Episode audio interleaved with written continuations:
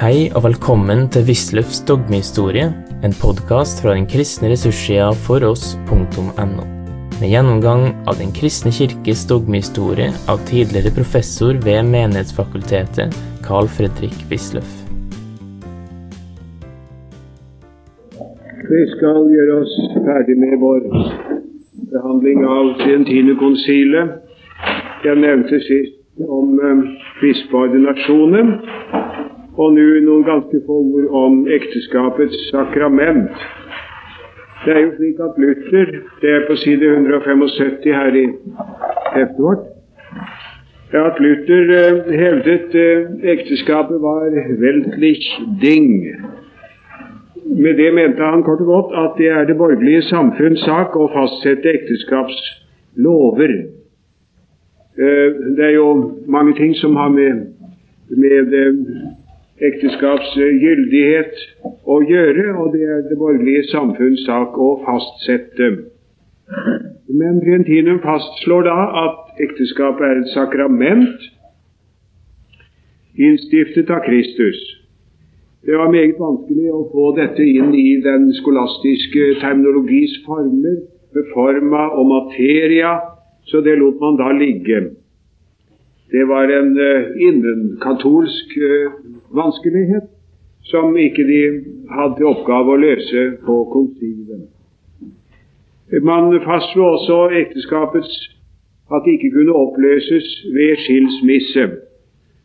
Eh, hva Gud har sammenføyet, kan mennesker ikke atskille.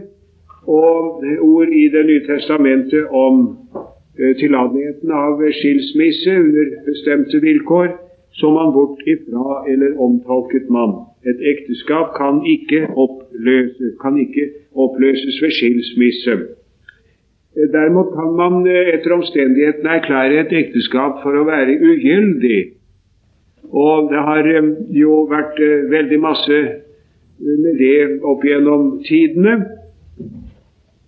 Det var jo dette som, disse spørsmålene som gjorde Henrik den 8. til ekspert i kanonisk rett. Som han jo etter hvert ble i aller høyeste grad når et ekteskap gyldig, ikke gyldig.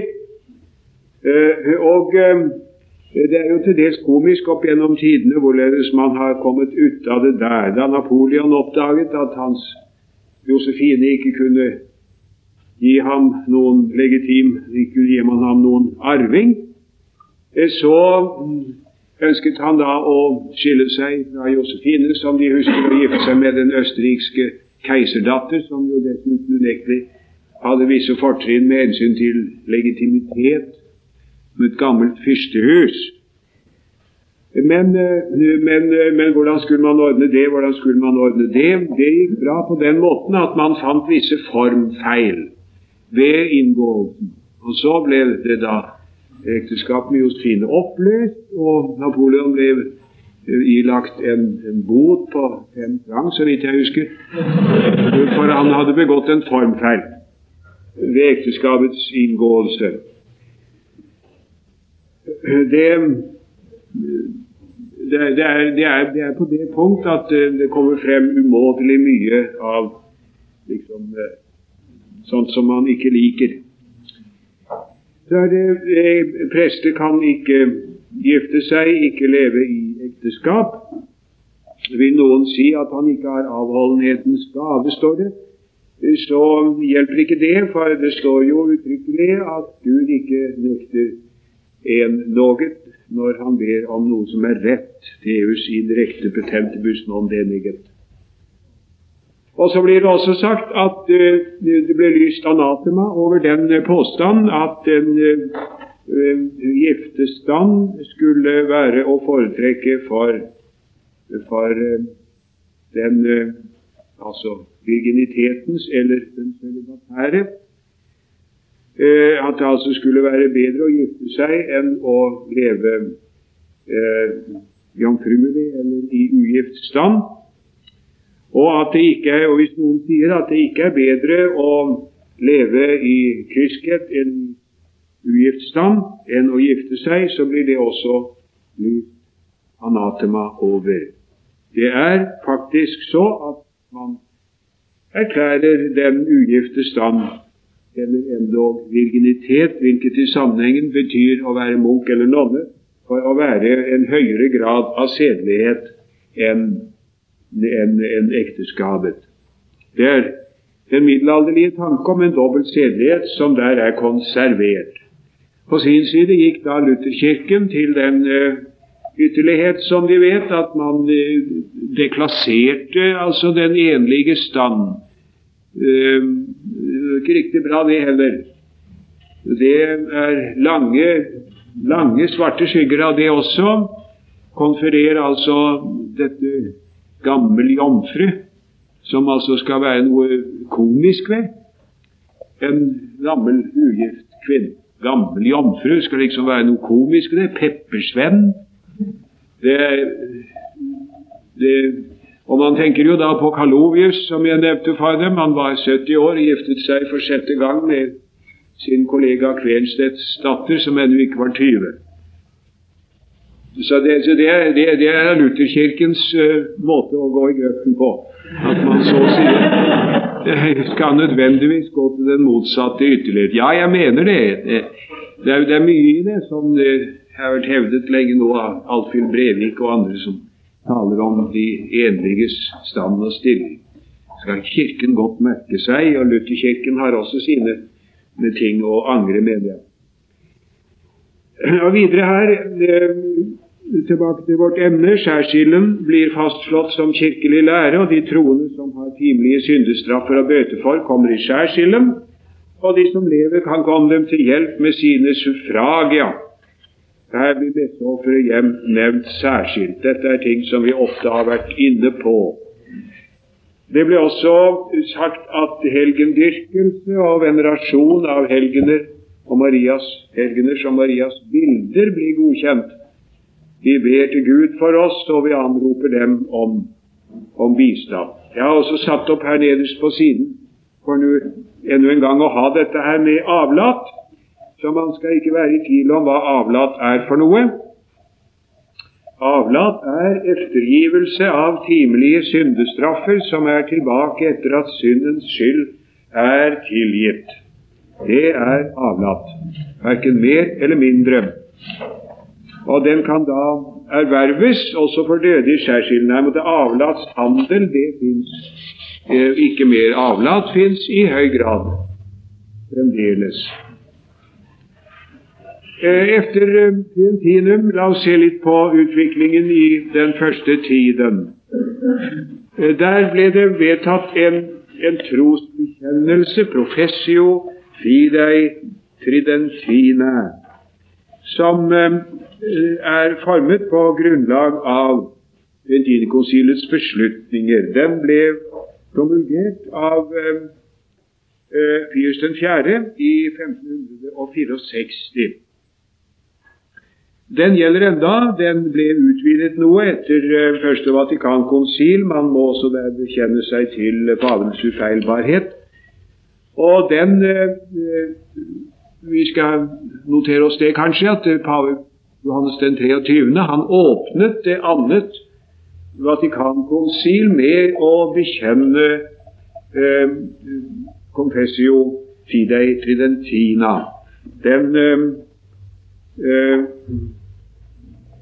den eh, Det ble misforstått på forskjellige hold. Jeg eh, har sett eh, at man har oppfattet det som en tale som paven holdt. Det var ikke noen tale, det var simpelthen professio fidei tridentina. Det skal være tridentina, ikke tridentine. Det er altså den tridentinske bekjennelse av troen. Tridentina går på professio, ikke på fides fidei. La oss se litt på dem. Her står det da i tur og orden alt det som man er blitt enige om, og som er vendt imot det reformatoriske. Eh, for eksempel eh, Ja, det begynner altså ego, nomen, firma, fide, credo, et profitio omnia, et singula. Jeg, og så nevnes navnet, kjenner alt og alle detaljer i det som inneholdes i den hellige tro. den som Den hellige romerske kirke bruker, og så kommer først eh, kommer først eh, den eh, eh kommer først den gamle eh, trosbekjennelsen og den nikenske tro. Og så kommer eh, en bekjennelse til at man bekjenner de apostoliske og kirkelige tradisjoner. Og man bekjenner eh, Den hellige skrift. Juxta eum sensum quem tenuit et tener sancta mater ecclesia. Man bekjenner seg til Den hellige skrift etter den mening som Den hellige moder Kirken har holdt og holder. For, står det, det er eh, Kirkens sak å dømme om Skriftens mening og tolkning. Eh, jeg tror altså på Bibelen i den mening som Kirken har forstått den. Og så er det bekjennelse til at det er syv sakramenter, og de blir nevnt ved navn. Og en bekjennelse til at der i messen blir brakt ut et sant, eget og sonemde offer for levende og døde. Verum proprium et propitiatorium sacrificium. Et sant, eget. Vil si at dette er et offer som vi bringer her. Dette er et offer som vi bringer her. Det er det det betyr. Um, og det er et sonende offer. Dette er et sonende offer. Det er ikke bare en refleks av det som var den gang, men dette er et offer. Uh, og det er for levende og døde. Og likeså transubstansiasjonslæren og så bekjenner jeg, heter det videre, at det er et purgatorium, dvs. Si en, en skjærsild, og at sjelene som er der, blir hjulpet med de troendes bønner. Uh, og at man kan tilbede bilder av Kristus, Den hellige jomfru og helgenene. Alt dette blir det, blir det sagt. Og så kommer det tillegget som eh, ble innført ved det første Vatikankonsil, nemlig der lover en da å være eh, lydig og tro imot paven. Den romerske pave, som er eh, apostelen Peters efterfølger. Til slutt kommer det en forkastelse. Jeg forkaster alle heresier som er fordømt og forkastet av Kirken. De alle disse fordømmer, forkaster og forbanner jeg. Og uh, jeg uh, holder meg til den katolske tro extra quam nemo salvus esse potest. Jeg holder meg til den katolske tro uten hvilken ingen kan bli frelst, heter det det er professio fidei tridentina. Så kom eh, Katekismus romanus som en lærebok for prester. Det er ganske temmelig stort skrift, eh, som er en, en håndbok for prester. Og så kom Breviarium romanum, prestenes bønnebok, som de må lese i hver dag. Det er en, dag, en del av den katolske prestes eh, daglige plikt embetsplikt å lese i breviaret. Det er en ganske omfangsrik sak. Eh, her er det fire bind av denne størrelsen. Denne som jeg har her, er på Hvor mange sider er det? Nesten 500 sider. Og et lite tillegg. Med stykker på hver dag og visse ting som går igjen fast hver dag. Etter en viss uh, tørner sammen. Hvis noen har lyst til å se på den, så ligger det da en del av, bønneboken der. Der leser man skriftstykker, man leser om de hellige fedre, man leser oppbyggelige betraktning, man leser Davids salmer. som leses um, om igjen og om igjen. Det er uh, breviaret. Og så kom Missale Romanum i 1570. det, dermed var den romerske missale faktisk kodifisert, og har hatt den form uforandret inntil vår tid. I virkeligheten er jo da eh, Missale Romanum enda eldre.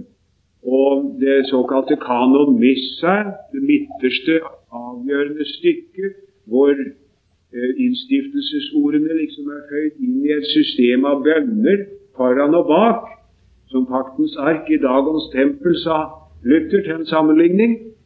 Eh, det er jo virkeligheten praktisk talt uforandret siden Gregor den stores tid. Det er ganske fabelaktig i virkeligheten. Men nå har det jo forandret ganske meget der også i det aller siste. Men Missale Romanum 1570 det betyr at også de andre deler av messen utenom kanon missa nu var fullstendig likt. sånn at her har man altså brukt ifra, ifra, ifra, ifra Hammerfest og til Melbourne og ifra Hva er det de pleier å si? Ifra Boston til Hva er det de pleier å si for noe? Ja, det er en av disse her indiske byene som de pleier å si. Så har de hatt akkurat den samme gudstjenesten. Det er jo alltid egnet til å imponere. Og man har vært stolt av det og fremholdt det. En katolikk vil kjenne seg hjemme øyeblikkelig hvor som helst han farer. Nå er det oppgitt i stor utstrekning til fordel for et annet ideal, nemlig bruken av, eh, av eh, morsmålet i messen. Det er eh, merkelige ting i virkeligheten som der er skjedd i det aller siste. En tusen år gammel tradisjon og mye mer som der er, eh, som vi ser, brutt. Og forandret nå, slik at nå er, er, er, forandringen der veldig, veldig stor. Veldig, veldig stor. Og variasjonene rundt omkring også veldig store. Nå har det jo til dels vært det eh, før òg, da, i, med hensyn til ytre seremonier og tegn. Eh, men det er jo lite å regne imot hva det nå er blitt. Luther han han pleide å, å vise til um, Han hadde vært i Milano på sin berømmelige romatur. Så var han jo også i, i, Milano, og der ville han lese messe, men det fikk han ikke lov til, forteller han om igjen og om igjen. For der sa de vi er ambrosianere, og det er riktig. De hadde sin egen messe der. Det var i visse detaljer litt annerledes. Det har de holdt på i domkirken i Milano. Men det, det er ingenting, det, imot hva forskjell det ble i den reformerte og lutherske kristenhet, naturligvis. Og det er heller ingenting imot den forandring, den forskjellighet som nå er kommet innenfor den romersk-katolske kirke. Det faktiske resultatet av alt dette er altså at den romerske kirke var blitt en konfesjon ved siden av de andre. Det ville den aldri innrømme, men, eh, og ville derfor heller ikke gå med på den vestfalske fred i 1648. Eh, Den vi hadde før det naturligvis også protestert energisk imot, imot eh, religionsfreden i Augsburg i 1555. Og det, det er i grunnen helt konsekvent at den gjorde det. For eh, det faktiske forhold er jo at uh, disse to betydningsfulle avgjørelser, og i særdeleshet da den siste av dem, naturligvis, betyr at den gamle eh, syntese av folk og kirke i grunnen er sprengt. Corpus Christianum fins ikke mer. Man kapitulerte overfor det faktum at der var forskjellige konfesjoner i kristenheten. Alternativet ville bli evig religionskrig. Evig religionskrig. Og det fant man da omsider ut at man ikke hadde krefter til og interesse av. Og så kapitulerte man og øh, det er helt følgeriktig ut fra Romerkirkens eget grunnsyn at den i grunnen aldri kunne innrømme det og gå med på det. Eh, mot protestantismen har man som sagt da slått fast den katolske lære med en viss antiholdning. Understreket det som, er, eh, som man mente ekte katolsk, og avvist det som man innenfor den evangeliske kristenhet mener er kjettersk. Det er det, er det viktige. Det er den eftertridentinske tid, som man nå da stadig sier er forbi, uten at man er, samtidig er villig til å ta opp de trosspørsmål til revisjon som den tid anså for å være det viktigste, nemlig rettferdiggjørelseslæren først og fremst. Som jeg har sagt flere ganger, så var Trientinekonsilet opptatt av å avgrense Kirkens tro overfor eh, protestantismen. Man eh, kjeklet nok om ting som man var uenig om på protestantisk område også, især dette med, med kurialisme eller episkopalisme.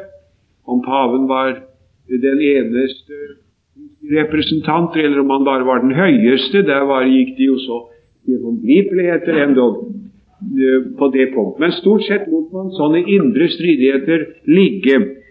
Og desto hardere kom da de stridighetene til å rase da de så brøt opp siden. Eh, nådelæren var det stadig dyptgående motsetninger til stede. Vi må se litt på det. Eh, forholdet mellom den frie menneskevilje og den guddommelige nåde er jo det er alltid vanskelig å bestemme, og vi har gang på gang funnet nettopp det. Predestinasjonslære i den strenge form på den ene side, og eh, pelagianisme på den annen side, eller synergisme på den annen side. Det er alltid et vanskelig punkt for en hvilken som helst teolog eller kirkesamfunn. Eh, det var nødvendig for den katolske kirke å få frem dette med den frie vilje, for en må jo skaffe plass for meritum-synspunktet, at der er fortjeneste å vinne ved sin holdning overfor Gud. Men her er det stor forskjell mellom Thomas, som jo var meget, uh, meget streng nådelære, faktisk, og nærmest har en predestinasjonslære endog, som allikevel ikke står i riktig logisk sammenheng med hans meritumlære. Men han hadde nå det. Og på den annen side Occam, som er temmelig semipelagiansk. Her, her kom jesuittene til å utarbeide en lære som ga stor frihet til den menneskelige vilje. Her skal vi særlig merke oss eh, eh Molina og Suárez, to spanske teologer eh, som lærte Eh, hadde en lærer som la veldig meget på den menneskelige vilje. Eh, de lærte det at Gud, som jo vet ser alt på forhånd, han anpasser sitt nådekall til mennesket etter det som han ser at de vil komme til å gjøre. Denne lære har man satt et navn på og kaller den for kongru, kongruismen. Kongruismen og eh, Suárez han eh, hadde særlig et, et Augustin-sitat som han eh, holdt seg til. Der står det nemlig inni enim vocati Nei, elekti. Der tenkte jeg har vi fått den.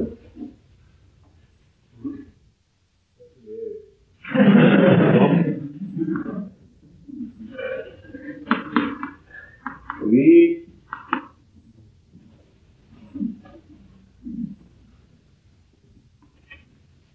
congruenter vokati.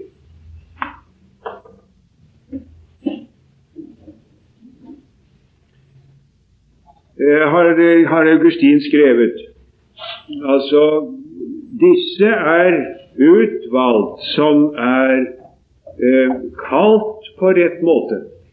Nå mener Augustin på det punktet ikke noe annet enn som så at hvis vi nå ser oss om i verden og, og uh, undres på hvem det er som er, uh, som er utvalgt, så må vi gå ut fra at det må være i hvert fall å finne blant dem som uh, forholder seg rett til nådens kall disse som bruker nådemidlene, og som går i kirken og er å se der, må i hvert fall være blant dem. Vi finner de utvalgte, mener Augustin og Simen.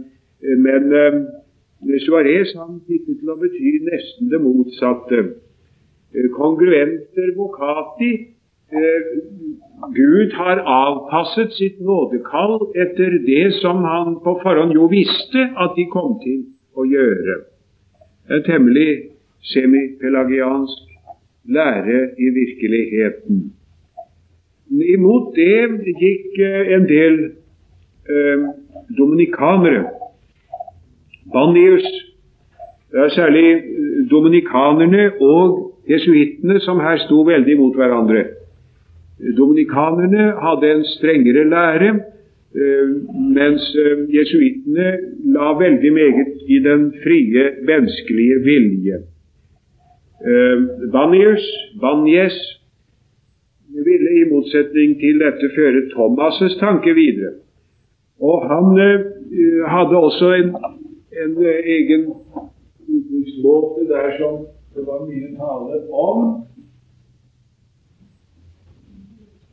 Han uh, talte om, om Han skjelnet mellom en premotio fysica og en premotio moralis.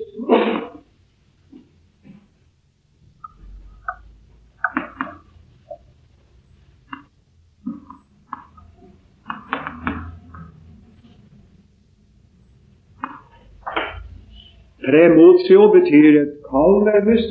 Det er altså Guds kall. Og det kan være Man kan forestille seg det på to måter, sa Nebanius.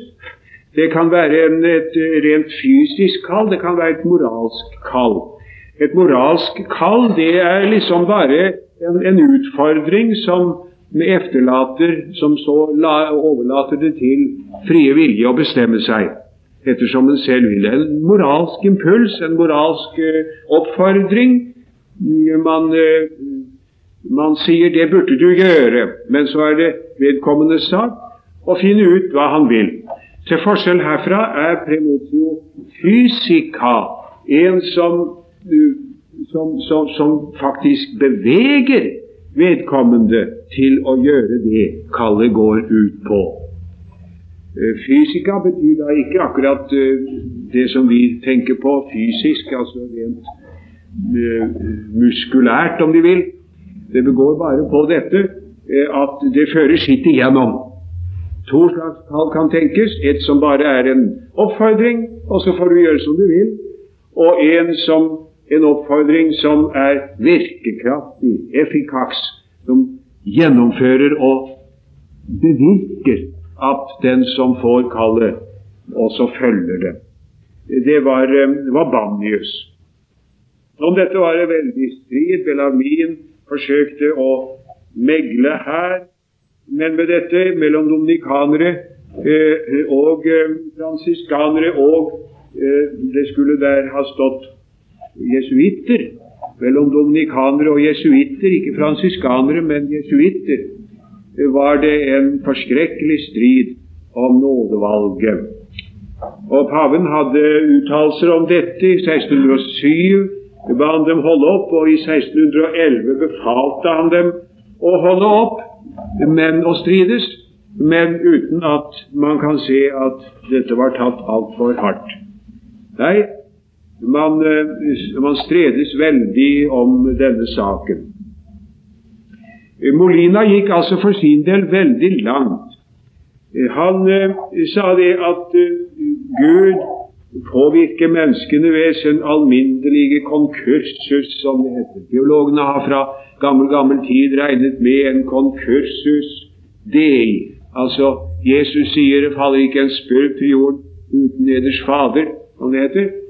Eh, det vil si, Gud er på en måte med i alle ting som skjer. En alminnelig konkursus hvor eh, Gud lar det skje og er med i det som skjer. Og det er denne generelle konkursen, mener Molina, den er fullstendig tilstrekkelig her. Hvis mennesket nemlig så går inn på den selv og griper det, og på den måten selv vender seg imot nåden, da lønner Gud det med at han så skritt for skritt fører mennesket videre. Altså rent semipelagiansk. Men så viser det her seg igjen hvor underlig det er med denne impulsen fra Augustin. Det er gang på gang det at Augustin dukker opp i kirkens historie som eh, et stort forbilde. Det hadde man jo sett på reformasjonstiden, hvor både Luther og Calvin hadde lest Augustin og lært veldig meget av ham. Augustin ble det store forbildet, ikke så at man fulgte ham i alt, eh, men eh, i mange ting. Og Her ser vi også igjen dette innenfor den katolske kirke. Det er Bajus debate. Bajus som var professor i Løven. Eh, det var, skal ha vært en veldig fin mann og en edel skikkelse. En av hans motstandere gav ham den attest Bajo nil doctius nil humilius. Det var jo fint. Det er ingen lærdere og ingen mer ydmyk enn Bajus. Nil doctius nil humilius. Det forhindret dem da, da imidlertid ikke ifra å angripe ham på det voldsomste. Så det var en svær strid som ble i anledning Mikael, eh, Mikael Bajus og hans lære. Det er temmelig ren augustinisme som her dukker opp. Eh, det begynner med uh, forklaringen av hva arvesynden er for noe. Det er konkupiskentia. Det er den onde lyst. De vil huske hvordan jeg gang på gang har pekt på den veldige forskjell som det gir, hvordan man tenker om, eh, om arvesynden. Er arvesynden en onde lyst? Eh, sier man det, så har, regner man med et temmelig eh, dypt forderv i menneskesjelen, som er blitt som følge av Adams fall, og som går ifra den ene generasjonen til den andre. Vi er Adams barn. Vi fødes cum concupiscentia, som det også heter i artikkel 2 i Augustana. Eh, det er én mulighet. Men man kan også si at arvesynden bare er privatio justitiene, mangel på den sanne rettferdighet. Det var Anselm hadde innført i middelalderen. Da er det noe man har mistet. Mennesket har mistet den tilgift, har mistet noe, noe, et pluss som Gud ga etter skapelsen. Eh, og, og, men, men, selve skapelsen er ikke egentlig noe særlig mye, særlig mye ødelagt, særlig mye forandret. Den onde lyst er bare et resultat. Det går den veien. Men det er ikke født med det, mener man da. Og her kommer Bajus med den augustinske arvesyndlære og sier at arvesynden er den onde lyst. Uh, han var veldig streng på det, og viljen er ufri til det gode. Han er, uh, vender seg skarpt uh, imot den samtidige teologi på den måten. Samtidig så forsøker han seg med en rettferdiggjørelseslære som minner om disse katolske teologene, Contarini og Grapper, som gjerne ville komme protestantene et stykke i møte, noe som særlig viste seg i Regensborg i 1541, som jeg har nevnt for dem. Eh, denne duplex justificatio. Dels en justificatio, en rettferdig gjørelse, som er uh, uh, inherens, og en som er imputata. En som er blitt min. Nåden har virket, helliggjørelse i meg, ville vi si.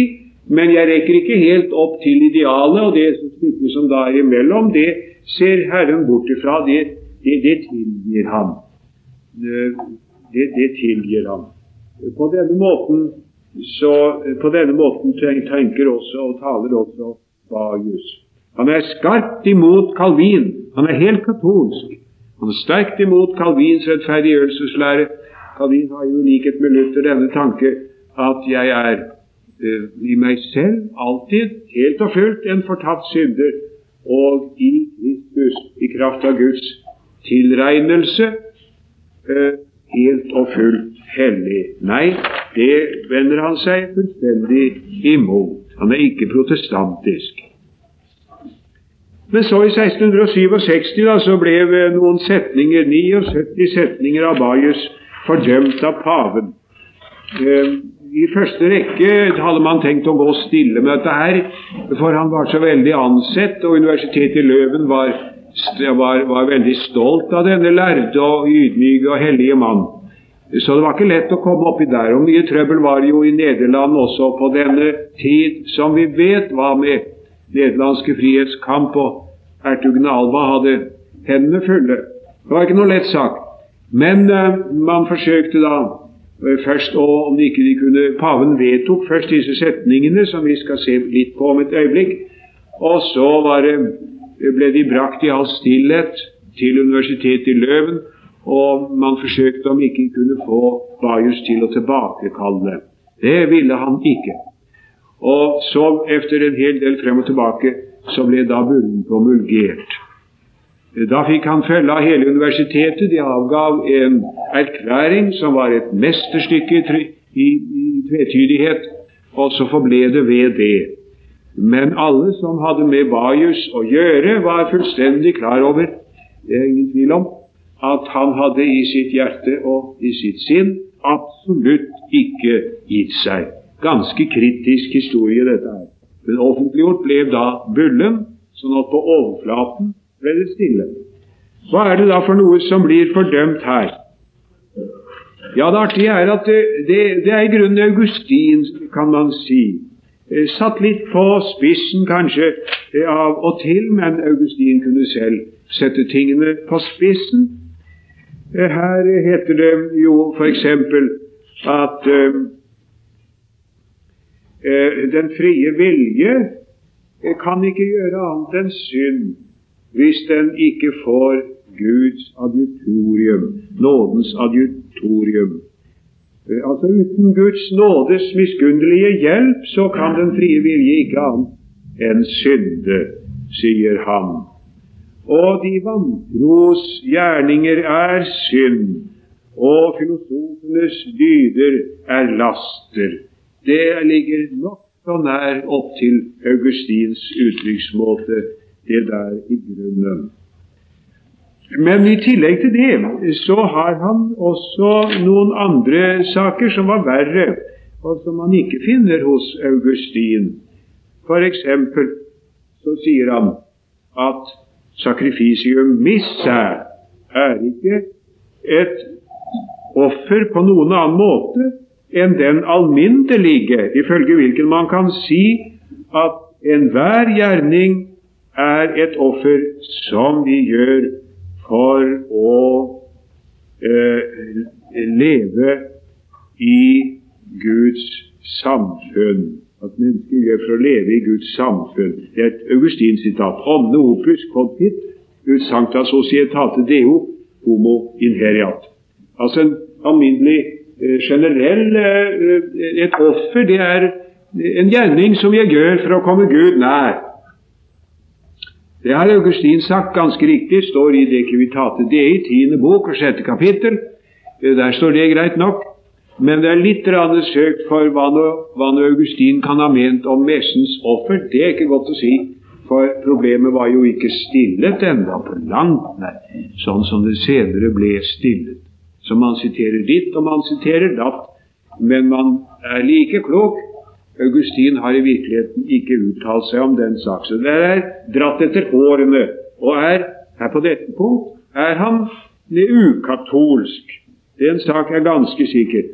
Og eh, ikke nok med det, men han sier jo endog i den 73. av de setningene som ble fordømt, at eh, den eh, hellige jomfru er død på grunn av den eh, synd som hun fikk av, efter Adam, av Adam. Altså, hun var født med arvesynd eh, og døde på grunn hennes, hennes død var det som kom på, kommer på oss alle eh, på grunn av at vi er Adams barn. Nå var jo ikke det fordømt enda. Det motsatte. Dette her var jo ikke fordømt enda. Det er ikke før i forrige århundre at det skjedde i 1854. Da ble, dog, ble, det dogme at Maria er unnfanget uten arvesynd. Det var ikke skjedd enda. Men det var meget ille sett allikevel. Så paven satte opp den setningen der. Jeg nevner mer som et kuriosum det såkalte comma pianum. Her er vi nemlig i den bullen som paven promulgerte i forbindelse med disse 79, 79 setninger. Der er det en lang, lang latinsk setning som, hvor det ikke står noe komma. Og det kan jo som bekjent bli temmelig ille, det. konfererer det telegrammet som vi alle fikk lære om på skolen da man skulle skrive opp. Heng ham ikke, vent til jeg kommer, eller heng ham ikke, vent til jeg kommer. Det kan jo gjøre temmelig stor forskjell. Og Her har vi et annet tilfelle hvor et kommas plassering er eh, i sin sammenheng like avgjørende. Eh, jeg vil ikke ta tid til å ta frem hele denne lange, lange setningen, men eh, skal man sette komma på ett sted, så blir meningen det eh, at eh, eh, disse setningene, disse 79 som er fordømt, de